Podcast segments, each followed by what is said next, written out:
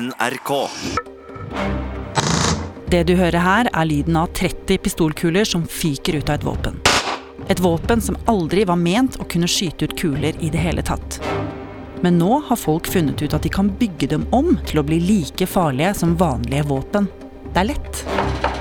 Hei, det er fra politiet. Men politiet aner ikke hvor mange som finnes der ute, bare at det selges mange hundre hvert år. Tre, to, én.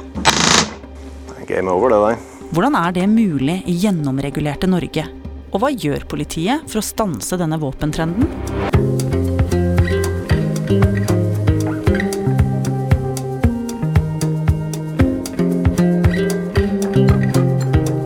Du hører på Oppdatert. Jeg heter Ragna Nordenborg. Det her er en av de mest overraskende og skremmende sakene jeg har jobba med på lenge. Runar Henriksen Jørstad er krimreporter i NRK Nyheter. Det starta med at vi fikk et tips om eh, en helt ny type våpen som hadde blitt brukt i flere kriminelle handlinger i det siste. I bydelen Ensjø i Oslo ble en bil med to voksne og to barn i kveld truffet av et skudd avfyrt fra en annen På Ensjø i 2018 så var det en eh, skyting mellom eh, to grupperinger.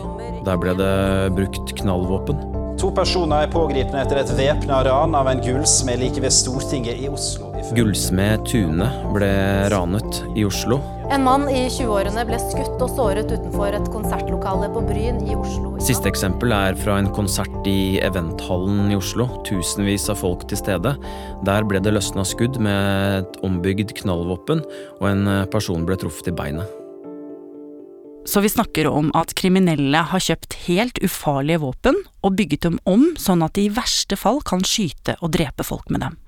Og en sånn knallpistol, Runar, den ser ut som en helt vanlig pistol, Ser helt ut som en vanlig pistol, for oss som ikke er eksperter. men hva er det egentlig de skal brukes til?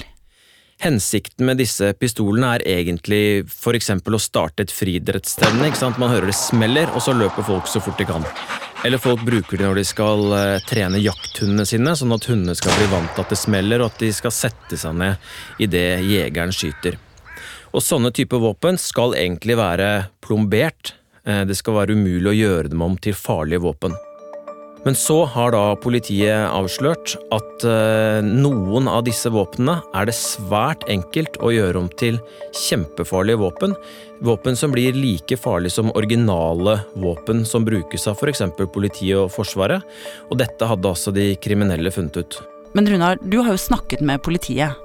Hvor lett mener de det er å bygge om disse våpnene? De sier man trenger ikke noe spesialkompetanse eller spesialutstyr eller verktøy for å klare dette, og det skremmer dem.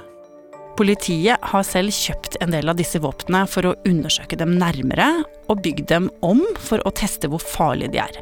Og det gjør de på en skytebane i kjelleren til Kripos, og dit ble Runar invitert med ned. Da vi kom ned der, så hadde de gjort klart flere ombygde knallvåpen. Først så skjøt de på halvautomatisk, altså at man skyter pang, pang, pang.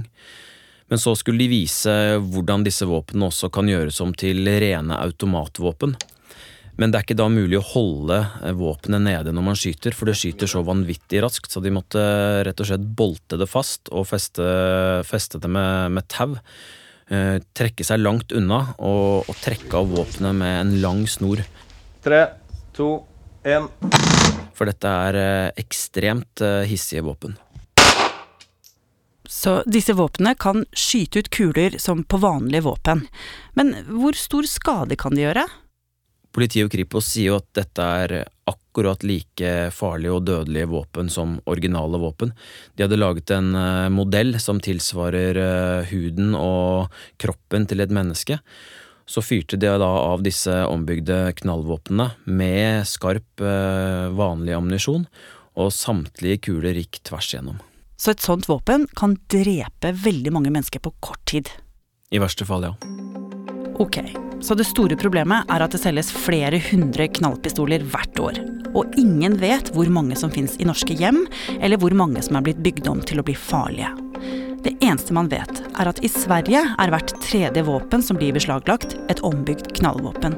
Og mange av dem stammer fra Norge, hvor det er lettere å få kjøpt dem. Det betyr at folk som kanskje ikke hadde tilgang på våpen tidligere, kan ha skaffet seg sånne våpen, eller andre som vil ha et uregistrert billig våpen som de bare kan kvitte seg med etter at det har blitt brukt til det de skal bruke det til. Eh, for dem kan det også være et våpen de er interessert i å skaffe seg. Derfor har politiet gått gjennom kundelistene til butikkene de vet har solgt slike våpen, og lagd en oversikt over hvem som har kjøpt. Det viser seg at noen på lista har kjøpt veldig mange, og noen er tidligere straffedømte. Det politiet er interessert i, er jo å finne de personene som har kjøpt sånne våpen for å bruke det til noe kriminelt. Eller personer som har kjøpt veldig mange våpen, såkalte smeder, som kjøper våpen, bygger dem om og selger til kriminelle. Det har man sett eh, tidligere. Så politiet bestemmer seg for å gå til aksjon mot disse personene, og Runar får bli med. Den første personen vi reiser ut til, er en uh, mann, tidligere ustraffa. Men politiet vet at han har bestilt flere titalls knallvåpen, og de lurer på om han uh, også kan ha bygd dem om. Uh, og så finner de frem brekkeren og gjør seg klare, for de har bestemt seg for at de skal inn i denne leiligheten her uansett om han åpner eller ikke, siden de mistenker at det er så mange våpen der inne. Hei, det er fra politiet. Så banker de på døra, og, og mannen kommer uh, og åpner. Jeg får en prat med deg. Er du aleine her, eller?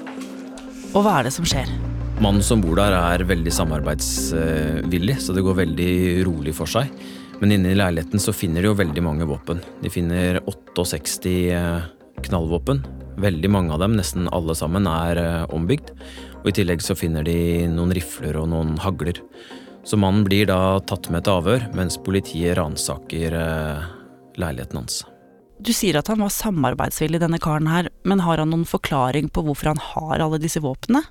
Vi har snakket med forsvareren hans, og hun sier at eh, han har erkjent å ha oppbevart alle disse våpnene, men han har ennå ikke tatt stilling til eh, spørsmålet om straffskyld. Utover det så vil ikke hun si noe mer foreløpig. Men så, omtrent på samme tid som Runar og politiet foretar disse razziaene, skjer det noe utenfor Prinsdal grill i Oslo. Politiet mener at drapet utenfor et gatekjøkken på Prinsdal i Oslo like før midnatt var målrettet. Tydelige spor på parkeringsplassen utenfor Prinsdal grill øst i Oslo. Første jeg tenker er jo, kan det ha blitt brukt et knallvåpen der? Et ombygd knallvåpen? Så jeg tar jo kontakt med politiet og hører om de vet hva slags våpen som ble brukt der. Men det vil de ikke si noe om, så det har vi ikke fått svar på ennå. Vi vet altså ikke ennå om Prinsdal-drapet er det første registrerte drapet med et ombygd knallvåpen. Men vi vet at kriminelle har tatt disse våpnene i bruk. Runar, hva vil politiet gjøre framover nå for å få kontroll over denne våpensituasjonen? Vi har vært og intervjuet eh, Politidirektoratet, som sier at eh, de nå må informere alle politidistriktene enda bedre om hva som er gjeldende regler for salg av eh, knallvåpen i Norge. Så skal de sende ut en instruks. Og neste år så kommer det en ny våpenlov, og sånn jeg har tolket Politidirektoratet, så ønsker de at slike våpen skal bli forbudt å selge. Så vi vet at kriminelle og andre med dårlige hensikter har fått en ny måte å skaffe seg våpen på, og at politiet er på saken. Men hva har dette å si for meg og deg? Anders Rask Olsen, du er leder for spesialoperasjoner i Oslo-politiet. Jeg blir jo litt bekymra når jeg hører om denne våpenutviklingen. Bør jeg være det? Nei, altså Det, det mener vi ikke. Eh, vi har hatt et eh, fokus mot dette i lang tid. Og eh, selv om det er omsatt mange sånne våpen, så er det klart at mesteparten av disse våpnene havner antageligvis ikke i kriminelle miljøer. Og flesteparten av våpnene blir heller ikke bygd om. Men vi ser at noen våpen gjør det. Og vi ser også at de har vært brukt i forbindelse med alvorlig kriminalitet. Og det er det vi er bekymret for, og det er det vi jobber aktivt for å forebygge. Så det er ikke noe grunn til å sove dårlig om natta? Man kan sove like godt nå om natten som man, eh, som man gjorde i forrige uke.